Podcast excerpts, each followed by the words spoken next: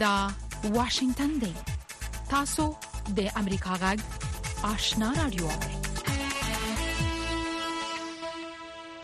السلام علیکم د امریکا غږ آشنا رادیو ترنو اوریدونکو په دې هیله چې روغ جوړ به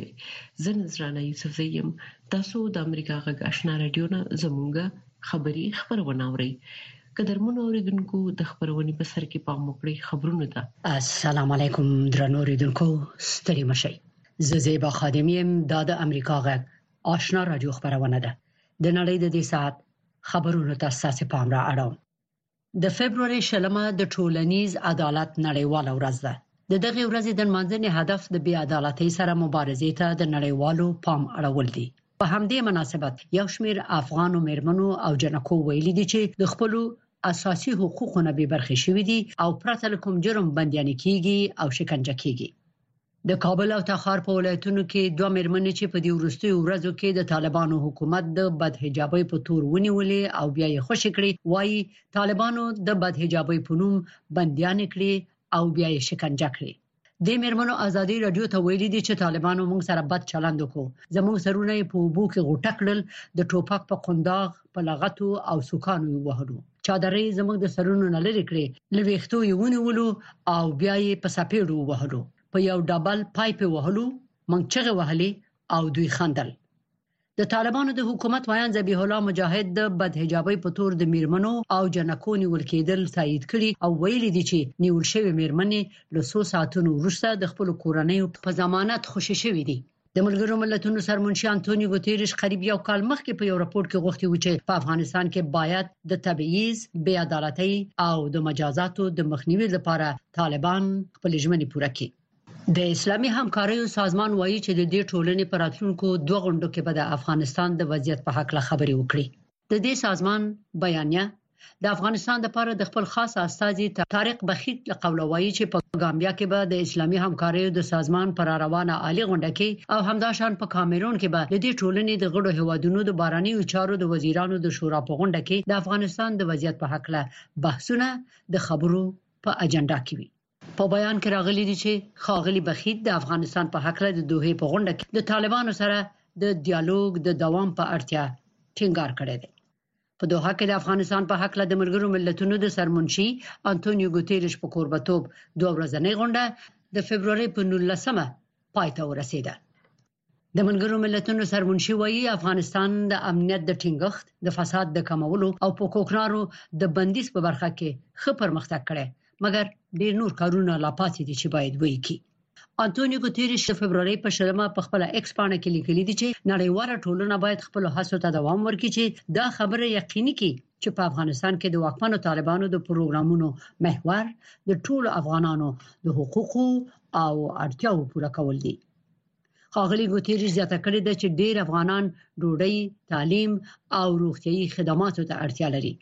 سرمنشي ګوتیریش یادونه کړې ده چې سږکال به هم د افغانستان د نیمايي نه زیات خلک بشري مرستو ته اړ وي، په داسې حال کې چې مرستندویو هیوادونو تر اوسه پورې یوازې د څه کم درې فیصده بسپنې اعلان کړې ده. باختر اژانس نن د فبرورۍ په شلمه خبر ورکړی دی چې د طالبانو حکومت په لومړي ځل د افغانستان د یوولس ولایتونو په طبي ریاستونو کې د نجونو د جذبولو اجازه ورکړې ده د دې خبر لمخې د کاپیسا، پروان، پنجشیر، بدخشان، میدان وردګو، غزنی، پکتیکا، پکتیا، لوګر، خوست او د بامیان په ولایتونو کې د 12م ټولګیو فارغانې په دولتي طبي انسټیټیوټونو کې نمونه لیکل شي. دغه اژانس د هواد د لوړ زده کړو په نورو مؤسسو کې د جنکو د جذب په حق له سندې ویلي نن د ملګرو ملتونو د امنیت په شورا کې په غزي کې د اورون په حق له رایګيري کیږي د خبر تفصیل تاسو تاسو پام را اړوم اسرائیل نن سه شنبه د فبرवरी په شلمه په داسې وخت کې په غزه کې هوایي بریدونو او ځمکنۍ عملیاتو ته زور ورکړی دی چې د نړۍ قدرتونه د ملګرو ملتونو د امنیت شورا په غونډه کې په غزه کې د اوربند پاکله رائے ورکوي او ښایي امریکا یې ویتو کړي د حماس د روغتیا وزارت ویلي دی چې په تیرو څلورو ساعتونو کې د اسرایل په بمبارۍ او ځمکنۍ عملیاتو کې یو سلو درې فلسطینیان وژل شوي دي ملګرو ملتونو په غزه کې د ناوړه بشري وضعیت په اړه خبرداري ورکړې دي چې د خوراکي توکو بحران د ماشومان د خوارځواکۍ او مړینې سبب کیږي د ملګرو ملتونو د اټکل مخې د غزې ډیره برخه په جګړه کې ویجاړه شوې 202 میلیونه خلک له سخت لوګي سره مخ دي او د نفوسو د نیمایي نه زیات خلک بې ځای شوي دي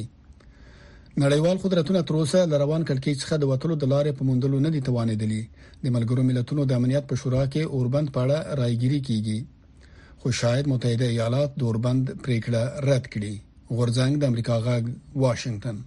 د سیمې او نړۍ خبرونه د امریکا غږ د آشنا رادیو د واشنگټن د استودیو نه نشریږي یو شمېر اروپאי هوادونو د الکسی نووالنی د مړینې په ارتباط د روسي ډیپلوماټان احضار کړي دي د فرانسې د خبري اژانس د خبر لمخې فنلند، جرمني، لتوانیې، هسپانیې، سویډن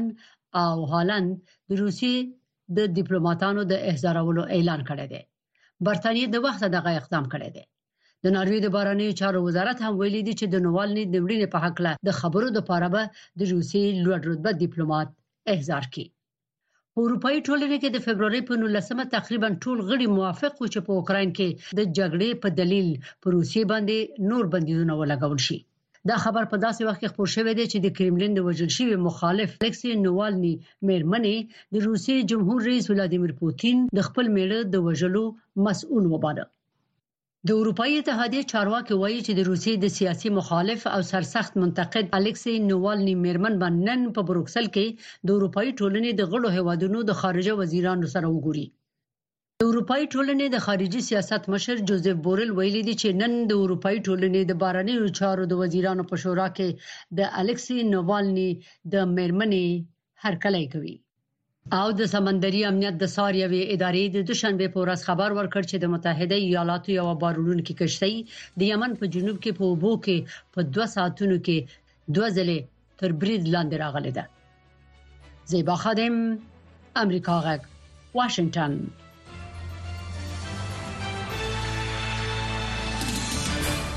د امریکا غږشنا رادیو درنو اوریدونکو تاسو خبرونه واوریدل پام وکړئ زموږه د خبرونې لومړی رپورت ده ملګرو ملتونو په کوربتو په دوه کې د افغانستان په اړه تیر ورځې غونډه روسته په دې اړه یو شمېر خبرګونونه راغلي دي نور تفصيل په دې رپورت کې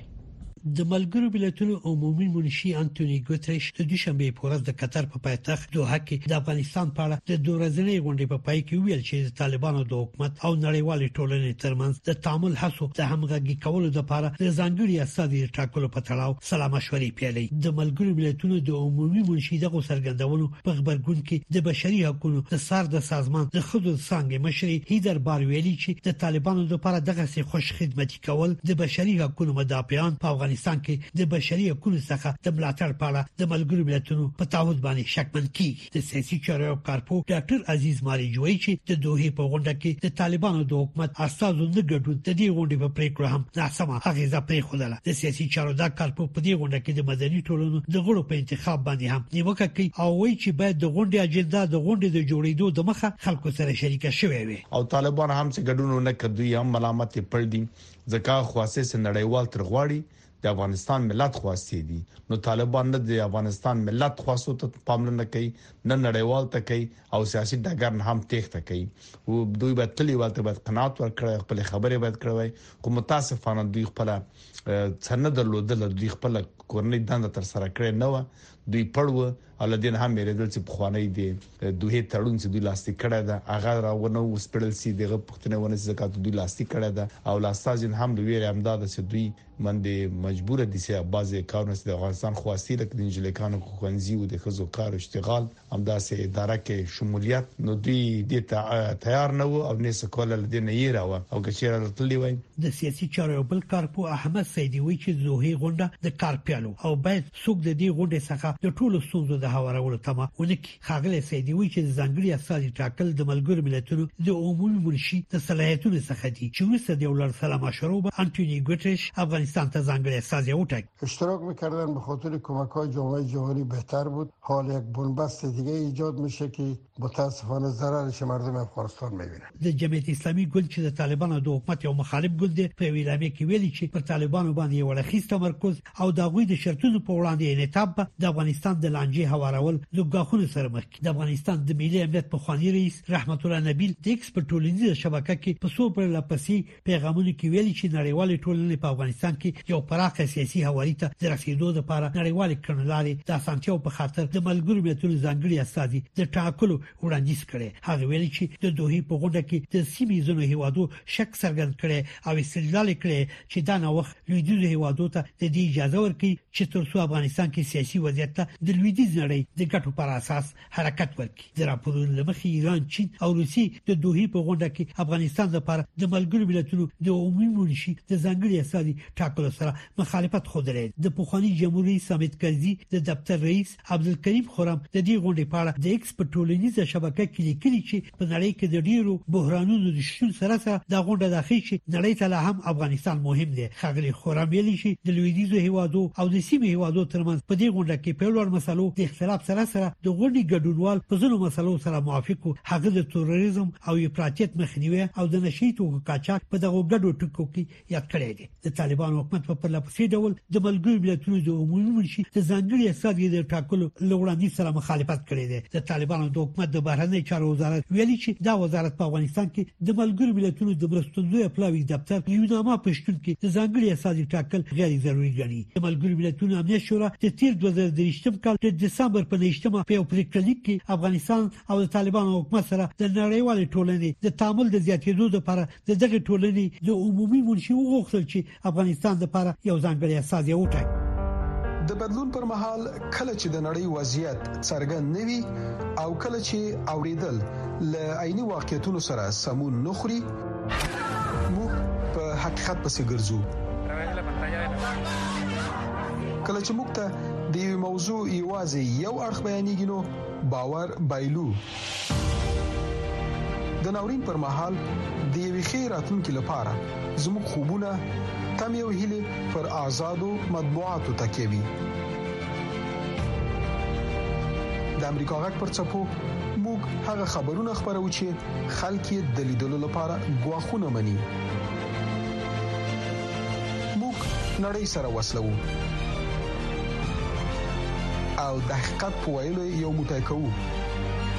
د امریکا غږ لاري موږ بشپړ انزور درکو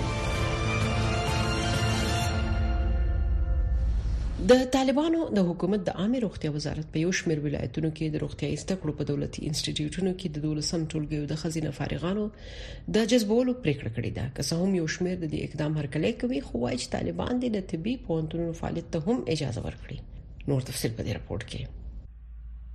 د طالبانو تر کنټرول لاندې د باختر اژانس وایي چې د عامه روغتیا وزارت د یو مکتوب په ترڅ کې د افغانستان په 11 ولایتونو کې د روغتیايي زده کړو په دولتي انسټیټیوټونو کې د دولسم ټولګي او خزینه فارغانو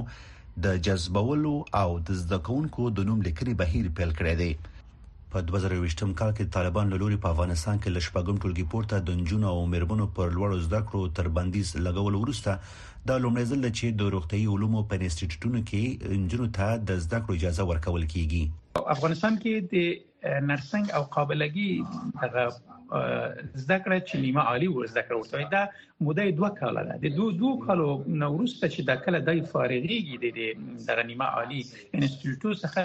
دوی به یا د نرسنګ کارونه کول شي یا به د قابلګي کارونه کول نرسنګ کارونه به دای چې یا به یو د یو سیروم تطبیقي یا به یو کانول تطبیقي یا به د مریض فشار ګوري یا به د مریض تبه ګوري خو د قابلګي به کار چې د یو نسایولوژي متخصص سره به همکاري د روغتیايي علومو په انسټیټیوټونو کې نجونو ته د زده کړو اجازه په داسې وخت کې ورکول کیږي چې په افغانستان کې د روغتیا په سکتور کې د ښځینه روغتیايي کارکونکو د کموالي په اړه یو شمېر نړیوالو سازمانونو اندېښنه ښودلې ده. د بشري حقونو څار سازمان ویلي چې له افغانستان سره د روغتیا په برخه کې د نړیوالو د مرستو د کمېدو او د ښځو نجونو له حقونو څخه طالبان د جدي سرغړونو له امله د میلیونونو افغانان صحي سلامتیا له خطر سره مخامخ شوې ده. طالبانو د واکمنۍ سره ډیر کسان یا غا صحي پرسونل زموږ د افغانستان نه بهر تللي دي او زما ډیر استادان همکاران هغه کسان سره چې زه په تماس کې یم هغه لبنه مرغه افغانستان خوشی کړی او دا مختلف دلایل لري او موږ تاسو ته معلومه ده د رسنیو نه اورو چاته د ډاکټر صاحبانو ژوند او مال هم په امان کې نه دی د طبي پوهنتونونو یو شمېر محصلینو امریکا غږ ته وویل د دې پر ځای چې طالبان د دولسم ټولګي زده کوونکو ته په انسټیټیوټونو کې د زده کړو اجازه ورکوي دوی ته د اجازه ورکړي چې تر فراغت وروسته په ټولنه کې کار وکړي ما شخصا خودم یک محصل تبستم سال اخیر است که باید من فارغ شوم و من حیث یک جامعه دکتر به جامعه خود تقدیم شوم فعلا تحصیل ما ممنوع شده و ما حق تحصیل را نداریم اما طالبا برای فارغین سنوف دوازدهم اجازه میدن که در بخش نرسنگ و در بخش قابلگی درس بخوانند هر کاری که اینا میکنن باید از خود یک معیار داشته باشد. وقتی که ما در جامعه خود بر قابله و بر نرس ها ضرورت داریم در کنار از اینا بر یک دکتر زن ضرورت داریم که یک دکتر زن باید در رأس این تیم باشه که در کنارش یک قابله و یک نرس هم وجود داشته باشه د بشري حقوقو څار سازمان د معلوماتو پر اساس په افغانستان کې سخت روغتيي بحران افغانان مخ په زیاتیدونکو ډول د سوی تغذی او نورو ناروغیو په وړاندې کمزوري او اغیزمن کړي دي وحید فیضی د امریکا غږ امریکا یو له هغو هیوادونو څخه چې د نړۍ له ګوټ ګوټ څخه د بیلابیلو کلتورونو دودونو ملیتونو او ارزښتونو کوربه دی په امریکا کې ژوند او دلته مهاجرت کول لکه د نورو هیوادونو په څیر خپلې ښېګڼې او سختۍ لري ځینې خلک په خپل هڅو او له فرصتونو په ګټې اخیستو خپل هیلو ته رسیدي خو ځینې نور بیا له ستونزو سره مخ کیږي ژوند په امریکا کې هر جمعه د افغانستان په وخت د مازیګر له شپږو نه تر شپږ نیمو بجو او د ختیځ امریکا په وخت د سهار له نه نیمو تر لسو بجو د افغانستان د چارو قطري شنونکي سلطان برکات وایي چې طالبانو د دوه په غونډه کې په نګړونی او خه فرصت له لاس ورکو هغه وایي طالبانو کولای شول چې د ځانګړي استاد د ټاکل کېدو او نور مسلو په اړه خپل دریز نړیوالو ته مخامخ وړاندې کړي وي موږ د برکات سره مرکه کړې تاسو ته دراورو د طالبانو لپاره یو ډیر ښه فرصت و چې خپل انزوا ختم کړي طالبانو ولې دا فرصت د لاس ورکو Yes. Well, هو، دا یو ښه فرصت و، دا غونډه په سم لوري یو ښه ګام دی، په داسې حال کې چې د طالبانو تر واکمنۍ لاندې د افغانستان او نړیوالې ټولنې ترمنځ د تماس د عادي کېدلو بهیر پیل شو، دا یوازې د انزوا د بشپړ پای ته رسولو په هدف نه و. نړیواله ټولنه دا وړاندیز کوي چې باید تر یوې کچې ښکېلتیا وشي.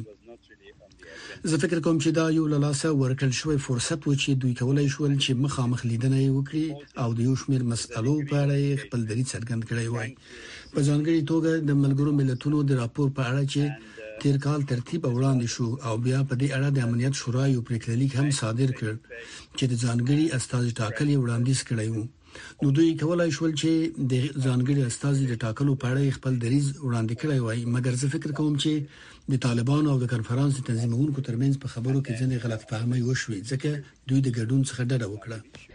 لکه څنګه چې تاسو یادونه وکړه چې یو څه غلطه مفاهمه وشوه آیا تاسو غواړئ چې موږ سره شریک کړئ چې دا څه داسې برېښي چې تنظیم کوونکو معیاري لار تعقیبوله یعنی مدني ټولنه یې په دغه غونډه کې شاملولې خو دا چاره په کابل کې د اپوزیسیون په توګه او یا هم د طالبانو د حکومت د یوازیني استازي په توګه او د طالبانو په رسمیت نه پیژندلو په توګه تعبیر شوه په کانفرنس کې د طالبانو ګډون نه کول به افغانستان ته په کومه بیه تمام شي او هم دغه ډول نړیوالې ټولنې ده چې د طالبانو سره د ښکیلتیا لپاره پوره هڅه وکړه. زه فکر نه کوم چې دا به په افغانستان کې داسې اثر ولري ځکه چې ټوله نړیواله ټولنه ډیره ژمنه ده چې په افغانستان کې بیا جګړه پیل نشي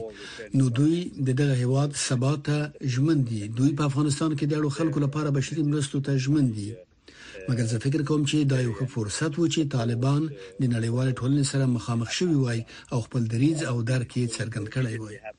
د دوحې کانفرنس به د افغانانو لپاره کومې مثبتې پایلې ولري؟ زه فکر کوم چې افغانان په افغانستان کې د نن ویشل شوی دي د دوی اصلي ګټه په حقیقت کې په نړیوال سیستم کې مدغم کېدل دي د بانکي سیستم د محدودیتونو په سفرونو هوایي ډګرونو تجارت او پر تعلیم د بندیزونو په پایله کې خلک ډیر زیانمن کړل تاسو پوهیږئ چې د انزوا له کبله ډېر مسایل شتون لري بیا تاسو هغه افغانان چې ډېری له هیواد څخه بهر اوسېږي دوی د طالبانو مخالفت کوي او د طالبانو په وړاندې خورا لوړ غږ لري خو زما په فکر د افغانستان سبا د ټولو په ګټه دی تاسو طالبان د ډېر وخت نه څارئ تاسو د دوحې د خبرو اترو برخه وئ او اوس طالبان د تیرو دوو کلونو راهیسې په افغانستان واکمن دي آیا تاسو اټکل کړی و چې طالبان به دا ډول حکومتداري وکړي ډیره ښه پوښتنه ده زه فکر کوم چې د هیواد چلول د هغه څه څخه ډیر خدي چې مونږ یې مخکې ویره درلوده په لاندې توګه زمونږ سره د نوې ملسیزې د طالبانو انزور وو او دا هغه څه چې مونږ یې ویره درلوده خو د حیرانتیا خبره ده چې دوی د هغو ورځو په پرتله ډیر ښه شوي دي خو دومره ښه شوي هم نه دي، د پرمختګ لپاره یا ټول شمولیت لپاره اړتیا لري چې شاید د وخت او تجربې سره رامنځته شي، خو په لومړیو دوه نیمو کلونو کې لږ تر لږه د ټولیز ثبات او امنیت په برخه کې د فساد پر وړاندې د مبارزې په څیر د خنډونو لرې کول، د هیواد کنترول، اقتصاد، د اسعارو د ثبات او د انفلاسیون د کنترول په برخه کې هم په ریښتیا ښه پرمختګ شوی دی چې دا ټول د مثبتو برخو څخه شمیرل کیدای شي. د افغانستان د بشري حقونو مدافعین به له تاسو سره په دې خبره اختلاف ولري، ځکه د ډېرو کارپوهانو په وینا د مدني ازادیو پرته د جګړې نه شتون دغه سوله یوه منفي سوله ده. ایا تاسو له دې سره موافق یئ چې دوی باید د بشري حقونو په خاصه توګه د ښځو د حقونو او اقلیتونو د حقونو درناوی وکړي؟ Of course, everyone and they have to do much more. هو باید دوی ډیر څه وکړي مګر زه په درنښت د هغو کسانو سره موافق نه یم چې وایي باید هر څه دې وي او یا دې هیڅ نه وي حتی که د جمهوریت دورې ته هم وګورو د ازادۍ په برخه کې ځینې مسئلې وې د بیان د ازادۍ ځینې مسئلې وې چې د بشري حقونو سازمانونو ورته پام کړی او وضعیت یې هیڅکله ښه نه و خو اصلي مسئله د جګړې د پای ده زه فکر کوم چې دا مهمه ده په ځانګړي توګه د هغو کسانو لپاره چې په افغانستان کې ژوند کوي باید تر هغه پورې چې د ټولو حقونه نه وي خوندي شوي د حقونو غوښتنه دوام ولري او تعلیم یې کنجي یا کلی ده که طالبان د افغانانو او په ځانګړي توګه د خزو او هم د نړیوالې ټولنې غوښتنو لپاره غورځول ته دوام ورکړي تاسو څه فکر کوئ چې دوی به د څومره وخت لپاره د افغانستان کنټرول وساتلی شي زما په اند افغانستان باید د جګړو له دورې څخه ووځي دا د هیچا په ګټه نه ده زه فکر کوم چې دا وخت دی چې د ثبات لپاره د رژیم آزموینه وکړو هیڅ کله به هم خلک 100% خوښ نه وي مګر دا وګورئ چې دا ثبات څه رامنځته کول شي دیموکراسي له شخړو څخه نشي زیږیدلای او تاسو دا د ډیرو کلونو لپاره په افغانستان کې تجربه کړې ده نو دا د پرمختګ وخت دی چې د افغانانو غږ او یو څه مختلفې لارې موندلو لپاره کار وکړي شي طالبانو د افغانستان له دننه د امریکا غاټ راډیو خبرونه درولې دي خو امریکا غاټ په پوره شمنتیا خپل افغان اوریدونکو ته په پښتو او دری ژبه د کارا باوري او هررخیزو خبرونو په خبرولو د افغانستان له بهره په 902 کیلو هرتز منځنوي سپو خپل خبرونه ته دوام ورکړي د دې ترڅنګ تاسو کولای شئ چې زموږ پښتو خبرونه په لاندو سپو هم واورئ پښتو سهارنې خبری خبرونه پر وزارت 290.0 سپو اوریدل شي ما خبرنې پښتو خبرونه په 2040.0 2015.0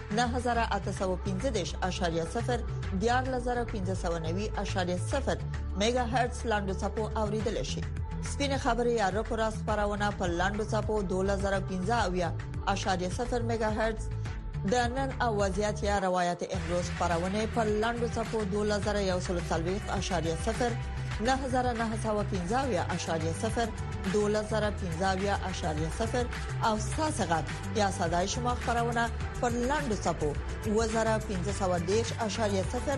9315 میگا هرتز اوریدل شي د متحده ایالاتو او ترکیې اړیکې په چټکۍ سره په خکېدو دي واشنگټن غواړي چې پانقری خپل پرمختللي F35 پوزي جټ الوتکې وپلوري خو په دې شرط چې ترکیه د روس نه اخیستل شوی اس 400 توغندي دریم هواد ته وسپاري نور تفصيل په دې رپورت کې دا ښکاری چې د ترکیه او متحده ایالاتو د اړیکو د اجنډا په سر کې د اف 15 پرمختللو نظامی جټ الوتکو سودا ده انقره وروسته له هغه د دغه جټ الوتکو د پیر له پروګرام څخه وېستل شو چې ترکیه روسیې اس 400 د الوتکو ضد توغندي وپیرل واشنګټن وایي چې دا توغندي د اف 15 رادار له خطر سره مخ کوي تیر میاشت استانبول ته د سفر پر مهال د امریکا د بهرنیو چارو وزارت سرپرست مرستيالي وکټوريا نولند ترکیه ته وړاندیز وکړ چې کدوې د روسي توغندي دریم هیواد ته وسپري نو د جټ الوتکو سودا بیا پیل کیدای شي د ترکیې د بهرنیو چارو وزیر هاکان فیدان ویلي چې انقره ممکن یوې معاملې ته چمتو شي د الوتکو زی توغندیو له پیرودلو وروسته چې به ساري کار وو زه فکر کوم چې د اردوغان په کابینه کې هم ځنې کسان دا مني چې دای ولوې تیروتنه و د ترکیې لخوا د اس 300 توغندیو پیر یو ډیره ګرانه چاره و د امریکا او ترکیې اړیکې هغه مهال سمې شوې چې انقرې په ناټو کې د سویډن غړیتوب ومانه او واشنگټن پر ترکیې د اف 14 جټ الوتکو پلورل ومانل خو اف 14 د اف 15 بدیل نشي کیدای کله چې تاسو د تورکیې په اړه لولئ نو هر څوک ویره لري چې د اجین سیند په اوږدو کې د هوایی ځواک توازن باید د یونان په ګټه ونه څرخي خو شنونکي وايي چې ایا انقره به د واشنګټن د اف پنځه دېرش جټ الوتکو په بدل کې د روسیې د توغندیو د ایستلو وړاندیز ومني؟ کیدای شي ترکیه روسي توغندي سیستم خپلو متحدینو لکه اذربایجان، قطر او حتی لیبیا ته ورکړي، خو دا د متحده ایالاتو سره د اړیکو ښه کولو پورې اړه لري ترکیه په اسانۍ سره کولای شي له اس 400 څخه ځان خلاص کړي دا یو سیاسي پریکړه ده نه پوځي اړتیا دا یو سیاسي پریکړه او سیاسي جوړجاړی دی تر اوسه اس 400 له ترکیه سره مرسته کړې چې د ناتو او امریکا د متحده ایالاتو سره د خبرو اترو کچه لوړه وساتي د انقرې لخوا د روسیې د توغندیو پیر په پراخه کچه د مسکو لپاره دیپلوماټیک بریا په توګه لیدل کېده چې ترکیه یې د ناتو له متحدینو څخه جلا کړه شنون کې وایي د توغندیو لری کول به د واشنگټن لپاره ورته د پام وړ بریا وي احسان لاریوزی امریکا غږ واشنګټن هایل د هرې جمعې په ورځ د افغانستان په وخت د ماخام ونیمونه تر اته بجو پورې د امریکا غږ د سټلایټ لارې په ژوندۍ بانه هایل د امریکا غږ د روانو چارو نوي ټلویزیونی خبرونه د طالبانو د حکومت د نشئی توکو سره د مبارزې چارواکي وایي چې د سږنی کال د جمعې په ورستیو څو میاشتو کې د کابل ښار له بیلابیلو سیمونه تر وو زر پورې متعددین راټول کړي او درملین لپاره روغتي مرکزونو ته لګري محمد ابراهیم مومند رپورټ راغلی د طالبانو د حکومت د کورنیو چارو وزارت له نشي توکو سره د مبارزې معینت وایي چې په وروستیو میاشتو کې د کابل ښار د مرکز له وتلو سیمو څخه وزراو سل معتادین راټول کړي او د درملنې مسلکي، حرفوي او دیني زده کړو لپاره یې امید او اغوش مرکزونو کې بسترې کړې دي. د دې معینات د دفتر رئیس حسیب الله احمدي په خبره، که څه هم د پړسوخته، کمپنۍ، شهرنو پارک، کوټه سنګي او شهید سرور لارې په څېر مشهورې سیمې له معتادینو پاکې شوې دي، خو بیا هم د معتادینو او ساقیانو د راټولولو لپاره په خیرخانه او کارتینو کې وخت نا وخت د دوی خلاف عملیات ترسره کیږي. کومو سیمو کې به چې دوی تجمع کول هغه د دوی نه خوښې شوې البته د ښار په اطرافي او په وتلو سیمو کې کیدای شي په ځینو ځایو کې دوی تجمع ولري خو کله چې دوی هلته تجمع کوي د معینیت عملیاتي قطعې لخوا هلته ګزمې دي او هلته د ولایتي چارو د ریاست لخوا بیا دوی ته رهنمایي کوي وروسته د ولایتي چارو د هدایت سره سم په دوی باندې عملیات ترسره کوي او دوی صحي مراکزو ته انتقالوي د کابل ښاریان بیا وایي دلته به معتادین د سړې هوا له کبله په بد وضعیت کې وو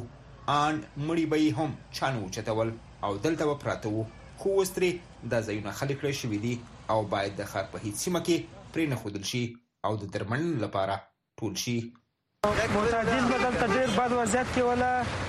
چا به رسیدګي نه ورته کوله پوه سي اوس دولت ماشاءالله ورسره ډیره مرسته وکړه ډول ټول کړل او دوی به ډیر بد حالات کې ول په ژمي کې یخني سره ډیر مریضان به ول او مړی به د لوخت چا به مړی نه جګول پوه سي